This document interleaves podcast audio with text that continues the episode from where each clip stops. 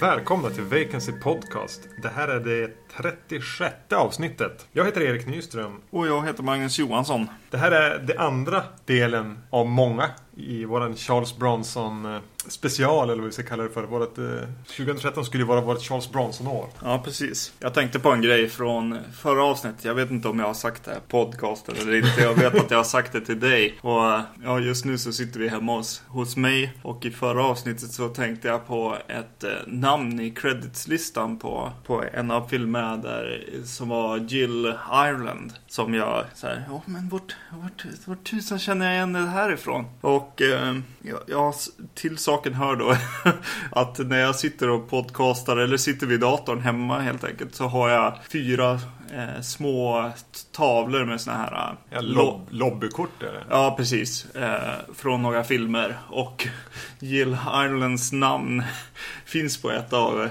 de här korten. Så det var kanske inte... det var närmare än vad jag... Men jag kunde se helt enkelt vart jag kände igen det här namnet ifrån. Och det är ju då fortfarande Charles Bronsons fru. Just det. Tror jag eh, vi konstaterade i något av, inför någon av filmerna. Mm. Eh, men i det här avsnittet så har vi sett eh, ja, två till Charles Bronson-filmer. Ena är- Honor Among Thieves, Thieves från 1968. Med den franska titeln Adieu l'ami. Mm. Och på IMDB heter den Farewell, Farewell Friend. Precis. Vilket då en direkt översättning, eh, gissar jag. Mm. Så har vi sett The Evil That Men Do från 1984. Vi kommer att eh, prata om dem i kronologisk ordning som vi väl vanligtvis gör. Så vi börjar alltså med Honor Among Thieves från 1968. När vi skulle sätta ihop det här andra avsnittet så föll det lite så att vi valde i princip en film var. Vet inte om du minns det, det var ett tag sedan vi, Ja, vi bestämde det här. Och då sa jag, hade jag hittat den här på hans eh, Charles Bronsons resumé och så bara, jag vill se Honor Among Thieves. Mm. För att det var en film jag inte hade sett tidigare. Och jag tyckte det skulle vara spännande och du valde den andra. Mm. Det här är en, en slags heistfilm egentligen. Mm. Eh, med Charles Bronson och eh, den franska hunken Alain Delon i huvudrollerna. De spelar två soldater som muckar från det militära alldeles i inledningen. De skiljs väl inte riktigt åt som, som, som vänner. Eh, inte långt senare stöter de på varandra igen när eh, Alain Delons karaktär har blivit rekryterad av en kvinna att göra ett litet inbrott på, eh, bryta sig in i ett, i ett kassaskåp nere i en källare på företaget där de jobbar. Och eh, Charles Bronsons karaktär är en eh, sorglös skojare som bara råkar få syn på honom och helt plötsligt befinner de sig instängda nere i källaren där över en lång helg och eh, både vill in i ett kassaskåp och ut ur ett hus. Ja, precis. Charles Bronson spelar ju någon, ja precis, någon slags eh, tjuv redan. Ja, Eller han är, är definitivt driven av pengar, även i, det militära, låter det som i början. mm. Filmen börjar ganska mysigt med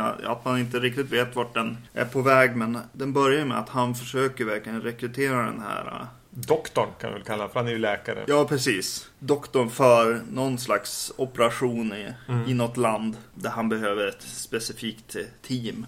Och tror att han ska passa, passa in där. Så han förföljer honom lite grann och eh, försöker övertala honom. Och eh, det är väl därför han egentligen snubblar på den här heisten och blir ju intresserad själv. Mm. Såklart. Han Eh, känner lukten av pengar. precis. Eh, Men det är ju inte den typiska Charles Bronson-karaktären ändå. Han är ju inte någon, någon hämnare eller någon eh, iskall mördare här i alla fall. Mm. Han är ju snarare någon slags så här, högstadiebully som har blivit lite äldre. Mm. Han knallar alltid omkring med ett litet hånflin. Mm. Och ser väldigt, känns väldigt stöddig och, och har alltid det där överlägsna, lite nedlåtande leendet mot, framförallt mot doktorn här.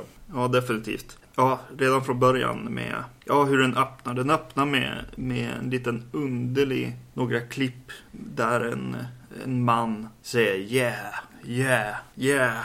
Ja.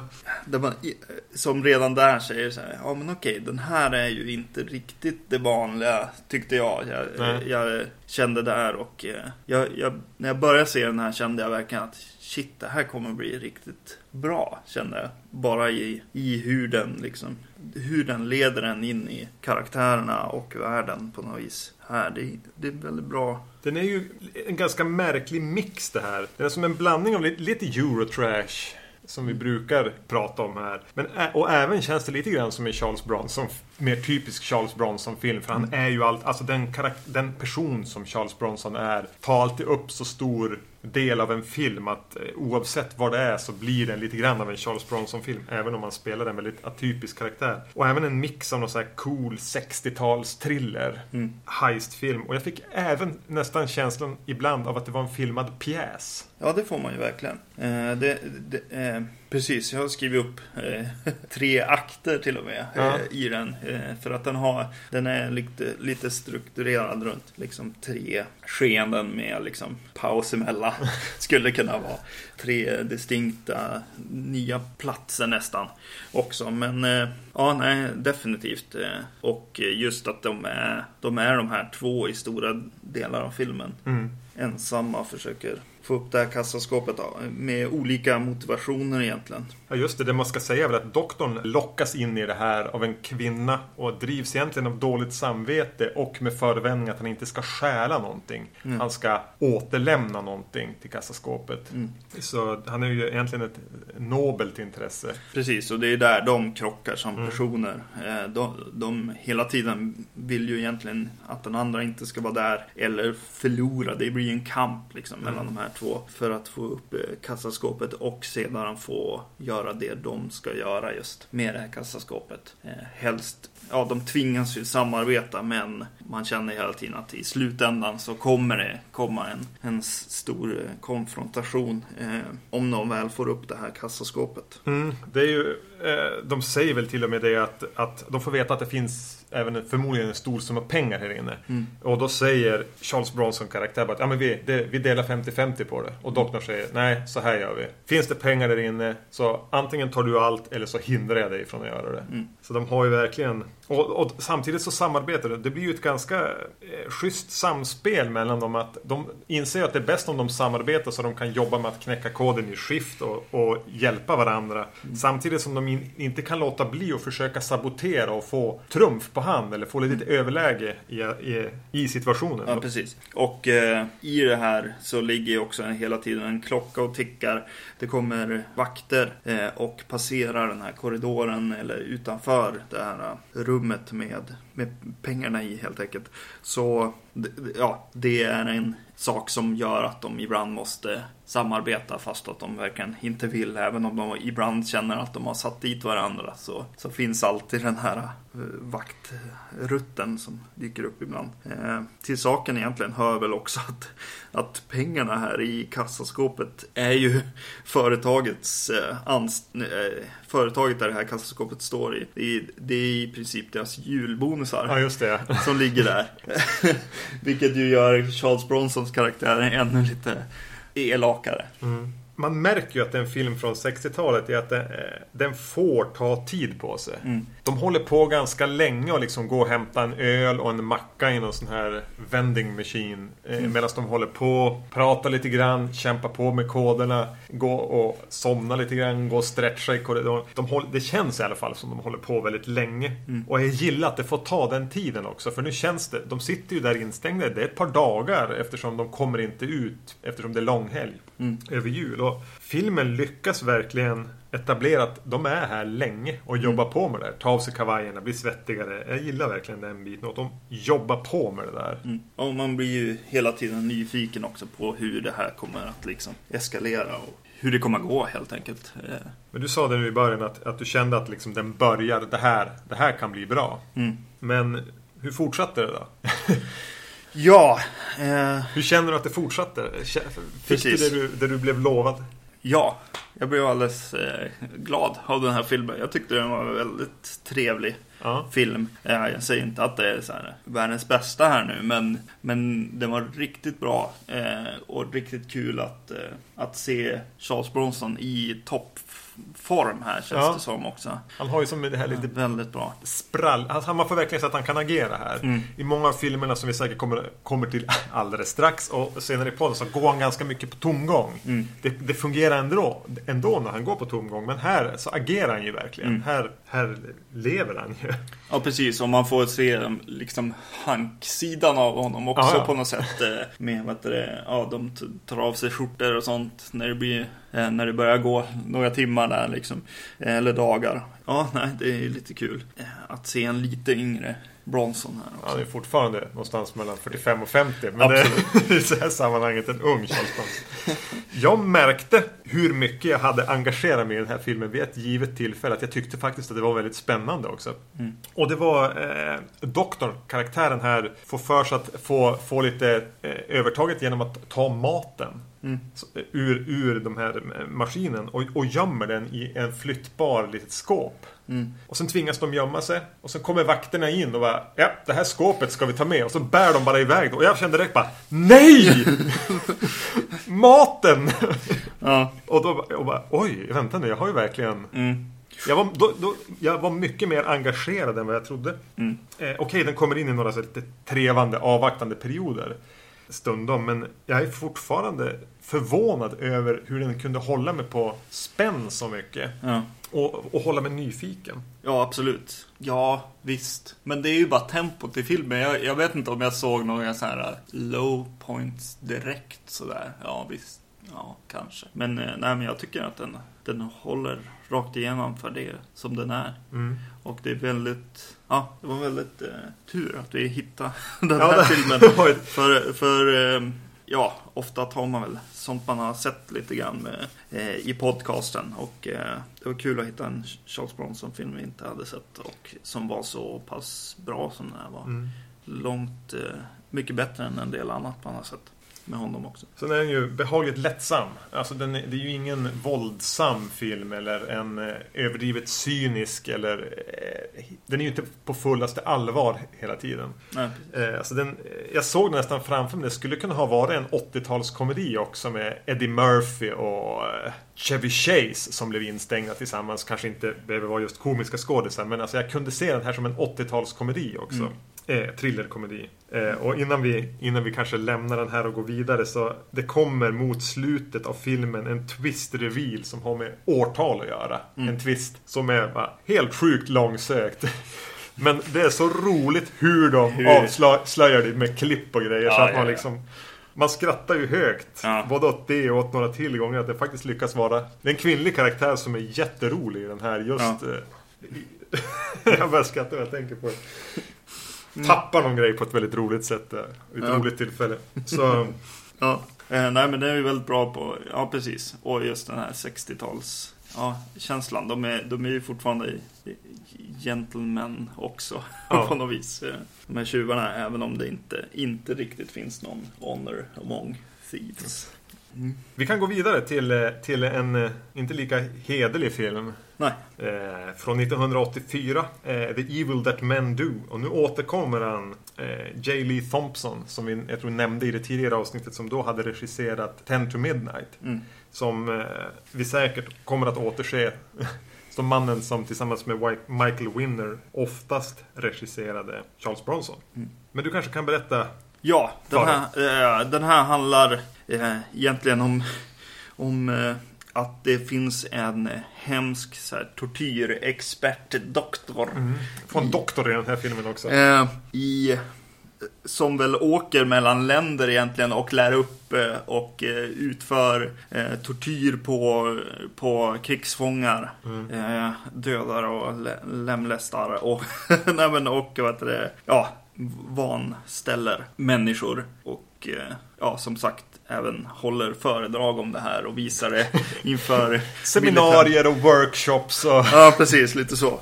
Eh, och den här mannen måste ju stoppas. Eh, filmen öppnar med, med ett försök att eh, av någon slags militär Mm. grupp att ta, död på den här. Men allting går snett Who you gonna call? Ja, precis. Och eh, Charles Bronson blir liksom inkallad för att eh, ta hand om det här hotet. Det känns väldigt 80-tal. Det känns väldigt mycket eh, det som eh, The Expendables försöker Mm. vara. Eh, typ kommando eh, tänker man väldigt mycket på med just de här, eh, vad heter det, bananrepubliker och Ja. sånt. Mm. Som inte riktigt nämns vid namn. Eller? Men det är Nej, någonstans i Sydamerika. Och filmen börjar med ett riktigt sån här James Bond-intro där Charles Bronson kastar en kniv eh, lite off-screen i någon slags slow motion och så står det hans namn, Ja. Charles Bronson. och så sen kommer The Evil That Men Do. Eh, Ja, det är li- lite underligt för att jag kan tycka att eh, eh, rent så här som, som idé eller om, om någon annan hade regisserat det här eller kanske omarbetat det här lite grann så är det en ganska otäck tanke eh, hur den här börjar egentligen med den här scenen som ska sätta någon slags ton med någon som blir torterad då inför militärpublik i Ja. princip. Sitter där för, med- och föreläsningsantecknar nästan. Ja, och, eh, och eh, han får ström genom kroppen och eh, könsdelar och eh, ja, det, är- det är mörkt och det är en, och den här doktorn är där och föreläser. Men sen så finns det en, en ton skulle jag säga i filmen eh, redan från början. Eh, kanske först med den här knivkastningen. Men, men också i hur den här eh, doktorn agerar och vem som spelar honom. Eh, Kan komma till det senare. och även hur de har ja, wardrobe, set design. Eh, man, man får väldiga eh, 80-tals actionfilms eh, helt enkelt. Men bara det att ha Charles Bronson som spelar sin typiska Charles Bronson-karaktär i huvudrollen gör ju att den blir lite, det blir lite lättare. Mm. För det här är ju en vansinnigt mörk historia. Och, och våld, alltså, den, den har sån potential att vara avgrundssvart. Mm. Men på något sätt, jag skrev, det kändes lite grann som ett så mörkt, våldsamt dubbelavsnitt av, av A-Team. Mm. Det skulle Precis. kunna vara liksom BA och Baracus och M- Murdoch som, som gör, de kallar in för uppdraget. Ja, precis. Men nu är det Charles Bronson istället. Så den har den där, någonting som du säger med tonen, men den är ju inte lättsam. Det skojas ju inte jättemycket ändå. Nej. Men jag tycker nästan hitta en, en bra ton på det sättet. Mm. Om man vill göra det till en, en eh, lättsam 80-tals action utan att den blir smaklös med tanke på vad den ändå hanterar för ämnen. Så jag, jag vet inte vad du tycker, men jag tycker den klarar av balansgången ganska, Ja, ganska bra där. Den gör i princip bara Rambo, alltså nya John Rambo eller Alltså den öppnar med någonting som är så här bara Ja, i det fallet är det kanske lite väl överdrivet eftersom att det är ark- arkivbilder från eh, det, Burma. Mm. Eh, och eh, eh, i det här fallet är det ju inte riktigt så. Men, men sen att eh, sen blir det 80-tals action och, av det. Men eh, jag tyckte det var roligt också hur de får in Charles, eh, Charles Bronson här i, i filmen. Eh, den här gången så behövs liksom, behöver inte en nära vän dö eller en fru mördas eller en dotter bli våldtagen. Utan eh, Bronson behöver bara sitta och titta på vittnesmål på en tv-apparat ett tag. Jag tyckte det var jätteroligt för då kommer alltså dit, Charles Bronson är någon slags pensionerad rättsskipare som bor på Caymanöarna någonstans och bara lever det goda livet. Han kommer dit och liksom först ber han honom snällt att, att hjälpa till med det här problemet som är den här tor- tortyrdoktorn. Nej men han bara, nej men jag är rätt, jag, jag håller inte på med sånt där. Ja men titta på de här. Ja, sätter han framför en Och tv. då sitter han där snällt och tittar på band och så säger bara, nej men jag gör inte det här. Mm. Sen går det en tid och så säger han, jag ångrar mig. Ja. så det är inte så att det händer någonting mer eller, eller Ja, utan han, han har sovit på saken. Då kommer han, kommer han till och säkrar upp dem och säger att han har ångrat sig. Mm. Eh, men jag skulle vilja nämna den här doktorn lite grann. Storskurken i filmen. Mm. Spelas av eh, Joseph Maher, heter han. Och jag kan ju inte ta den mannen på allvar. nej. Jag tänker på han från Min fru är en utomjording. Dan Aykroyd och Kim Bess. En film jag såg jättemycket när jag var liten. In, säkert ingen bra film. Men han är med i den. Jag, vet, jag minns inte vem han spelar, men han, jag tänker på, på det. Och han, eh, han ser ju ut som en, en kom, komisk skådis. Han ser ut som han skulle kunna vara med i Mupparna. Alltså Ja. som en typisk gäst, eller en programledare. Jag kan tänka, ja. Absolut. Han är ju inte dålig skådis, men han känns bara väldigt konstig i rollen. Är det då ett medvetet val, tror du, för att lätta upp stämningen? Alltså för att göra den inte... För om du skulle ha en riktigt ondskefull jävla skådis där. Så skulle det kanske bli för ja, kanske. jobbigt. Ja, precis. Jag vet inte. Jag vet inte vad de, vad de far efter för ton egentligen. Jag, jag vet inte om det är liksom eh, snarare en budget och en regissörsgrej. Liksom, att, det, att den hamnar där. För att den tar ju upp hela tiden. Den, den, den ja, han har en... Eh, han tar med sig frun till en av de här som dör i början. Eller om ja. det är till och med han som blir torterad. Det uppfattar jag faktiskt aldrig. Men Nej. han tar med sig det som en, en fru som en täckmantel. Och barn. Och barn också. Och eh, hela det blir ju en, en väldigt spänningsmoment. Och hennes liksom syn på allt det här eh, våldet och allting skulle ju kunna bli mörkare också. Ja. På något sätt. Allt, allt som Charles eh, Bronson eh, utför i den här filmen. Ja, nej jag vet inte. Så jag tror inte det. Jag tror att han, han har en brittisk liksom, upp, uppsyn. och då blir han liksom skurken. På något sätt lite grann. Ja. Mannen, ja, nej, jag, jag, vet inte. Jag tror att det är tiden också mycket som gör det. Alltså det här 80-tals-grejen så att säga. Charles Bronson har även tagit med sig sina läppläsarkunskaper från The Mechanic. Just det. Jag såg det. Se om vi kan eh, spela. Vi har återkommande saker här. Det är Jill Ireland. Mm. Det är J. Lee Thompson och det är Läsa på läpparna. Just det. Ja. Har vi fått alla tre i samma filmen? Uh, Jill Ireland var inte med här. Men hon var nog mm. inte med i The Mechanic heller. Och då var mm. Michael Winner för övrigt. Ja, vi får se. Vi får se om vi får återkomma till det. Just det. Jag tror att hon stod med som associate producer eller något sånt. På den här. Så hon, hon var väl där helt enkelt. Uh, just det vad ska jag säga? Ja, men det blir ju så roligt. Det, när de börjar, ska jaga den här eh, doktorn och kommer in i, i landet och så börjar han fråga eh, folk som också jobbar för att få död på den här mannen. Mm. Eh, eller i alla fall sätta dit honom. Eh, och då frågar han om det finns något, alltså om man har något mönster liksom, några rutiner som man gör. Och, och de bara, nej, nej, det finns inga rutiner. The closest thing to a routine is going to the cockfights, säger de. Och jag skulle nog säga att det är en rutin. Nej, för de åker ju dit och han är mycket riktigt ja, där. Han har ett bord också. Eh, ja, speciellt som är hans. De pekar ut det när de sätter sig. Vad där är hans bord. Där är hans bord. Hur definierar den mannen en rutin? Ja, nej jag vet inte riktigt. Ja, men den har ju ganska mycket sådana grejer som är ganska roliga. Mm.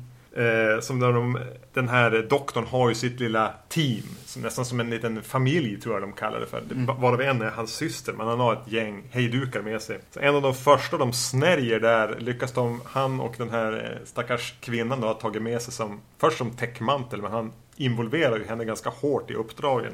Mm.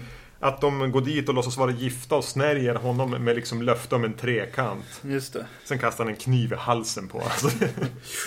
Ja, precis. De tar, med honom. Det är den första egentligen personen som de gör kontakt med av skurkarnas liksom, ja. cirkel här. Och eh, det första han gör är att bara, han bara dödar honom.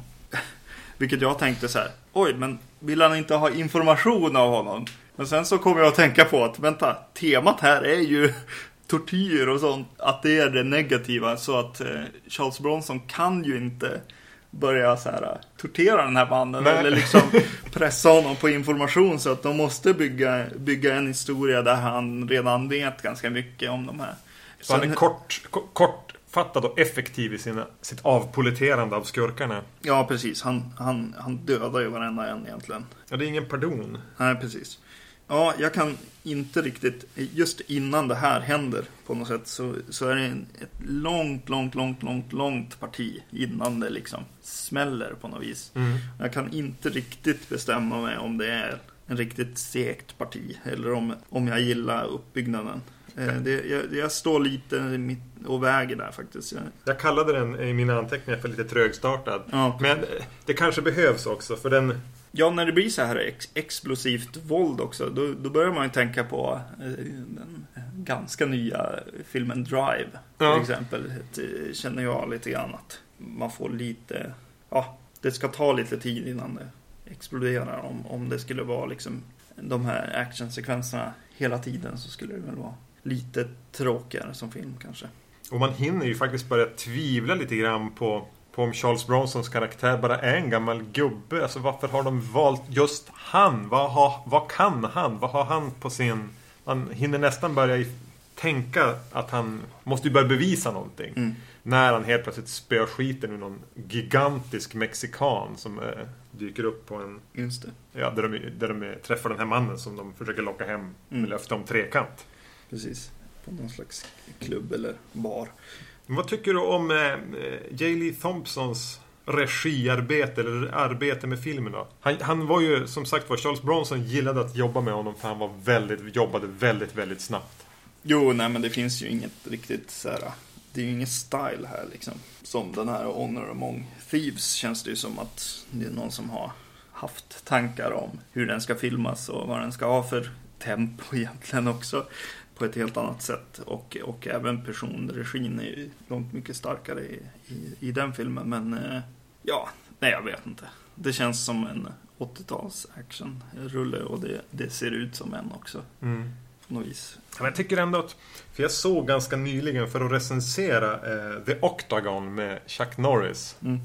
Och den var jättetråkig och jättetrög. Och den ser man verkligen skillnaden på någon kom- Kommer jag inte ihåg vem det är som har regisserat den Men det är en sopa för där, där är allting liksom bara gjort fel hela tiden. Allting tar för lång tid eller går för fort Eller han väljer fel bildsnitt eller någonting. Eh, Thompson här känns ju ändå som att han vet vad han gör. Ja. Han är inte direkt distinkt. Han har inget speciellt ut signum. Men han kan sätta ihop en film. Så att den blir någorlunda effektiv och det går förmodligen väldigt fort. Han känns som att han är väl död nu. Men hade han varit yngre så hade han ju jobbat väldigt mycket inom TV. Han skulle... Han gjorde förmodligen något MacGyver-avsnitt. Ja, just det. Mm. Nej, precis. Det finns ju definitivt sämre filmer än det här. Och från tiden också. Ja, jag måste ta upp en till. Jag, jag körde lite citat här. Och en som jag verkligen gillade. Det var ett eh, härligt Charles Bronson-citat. Han säger någonting om att Emotional vendettas is suicide, säger han. Vilket är fantastiskt att Charles Bronson eh, säger i den här filmen.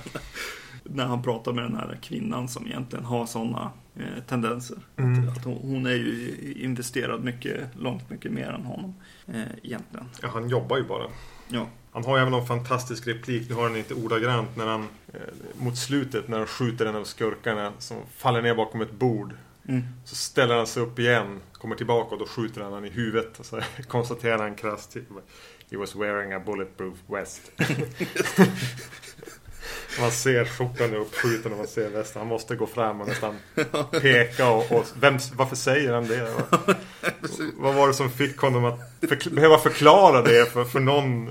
ja precis. Ja, Det är roligt. Ehm, det, det, det kommer ett parti, ja men det är runt det där. När de börjar komma ut på landsbygden och så. Som, eh, och de går förbi liksom lite ortsbefolkning och ja, det, ja, jag gillade verkligen det partiet. Jag kommer att tänka på, eh, vad heter den, den här Wes Anderson-filmen. eh, The Dar- Dar- Darjeeling Limited eller vad den heter. Ja, just det. Eh, lite grann. Eh, kanske mest för att det är en begravningsscen. Som, eller ja, en begravningsplats de går förbi i en sån här miljö.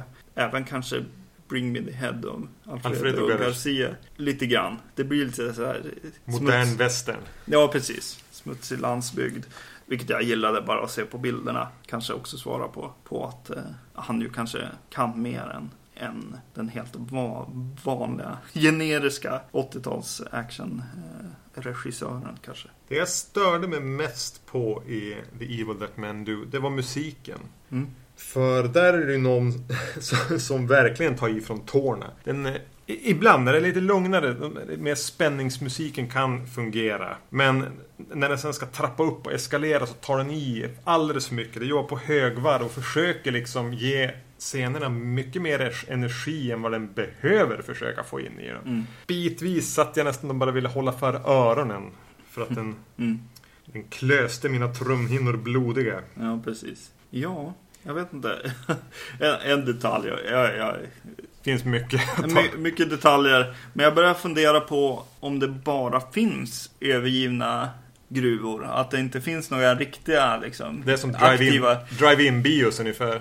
Ja, precis. Nej, men jag tänker om det är en sån här, eh, ja jag vet inte, film, filmgrej. Som 555, man får inte ha riktiga riktnummer, man får inte ha riktiga gruvor. Eh, Utan alla ska vara någon slags övergivna ställen. Man börjar fundera om vi har slutat som, som, som människor att eh, bryta malm. Liksom, har, vi, har vi lagt av med det eller? Jag, jag vet inte. Mm, nej, det, det känns verkligen som att är både film och, och dataspel kanske framförallt bara. Det, det finns bara övergivna gruvor helt enkelt. Inga aktiva. Nej, precis. Ja, nej men eh, det känns som att det är en ganska straightforward film. Eh, inte den bästa skulle jag säga. Men ganska underhållande ändå. Ja, jag tycker den fungerar som en, som en 80-tals action. Nästan lite mörkare Mm. än, än, än snittet. Och är det det man är ute efter, vill man ha den typiska 80-tals action med Charles Bronson i, i huvudrollen som, som röjer loss och skjuter onda människor. Ja. Då får man det. Eh, Och inte någonting annat. Nej. Den är ju väldigt renodlad och det är någonting trivsamt med det också. Ja, eh, och det är alltid ganska skönt att ha en film som, som reser lite grann i miljöer och visar lite natur. Och även, eh, ja, nej men den eh, tar en liten sån här resande bit i slutet. Den har en liten bit mot, mot eh, andra hälften som är lite mer så här, åh, ja, titta vad... Titta på den Att vi är, ja precis. Jo men det är väl det, att de är on location. Det är det jag försöker säga egentligen. Eh, Jag tänker mig att, att anledningen till att Charles Bronsons karaktär bor på den här ön var att Charles Bronson ville jag kan sätta min vänstra fot på att de spelade in scenerna på den ön sist. Och att sen sa han bara Tack och hej, ni kan åka. Jag och Jill, vi stannar här tre veckor nu. Just det. De åker till han, vad heter han, Virgin Records, eller vad heter han? Hans privata ö där. Ja. Ja, nej jag vet inte. Ja, nej men det var väl allt egentligen. Allt om de filmerna. Eh, ganska varm rekommendation på The Honor Among Thieves. Ja, Eh, som en eh, heistfilm. mm. Med Charles Bronson snarare än en Charles Bronson-film. Mm. Medan The Evil That Men Do, en väldigt typisk Charles Bronson-film som fungerar. Ja. Och som en liten knorr avslutning på det här. Om ni vill vinna det här avsnittet, filmerna, så har ni chansen att göra det. Och då behöver ni svara på två frågor. 1. Charles Bronson heter egentligen inte Charles Bronson, utan vad? Och 2. Då vill jag att ni ska tala om vilken som är eran favoritfilm med Charles Bronson. Alltså, Charles Bronsons riktiga namn, favoritfilm med Charles Bronson. Maila det till podcast.vacancy.se så kommer vi att presentera en vinnare som vinner båda de här filmerna på DVD. Och eh, fortsätt likea oss på Facebook. Det kan man eh, göra via vår hemsida www.vacancy.se och eh, ge oss bra betyg på iTunes så att vi dyker upp på deras frontsidor där. ja, ja, nästa avsnitt. Nästa avsnitt kan vi presentera, det blir spökfilmer. Mm. Eh, I någon mån. Det är nämligen Mario Bavas Hatchet for the Honeymoon. Och eh, nu håller jag på att säga George C. Scotts The Changeling. Men vi kan väl kalla den för det. Mm. Så eh, nästa gång blir det spöken. Tack och hej! Hej hej.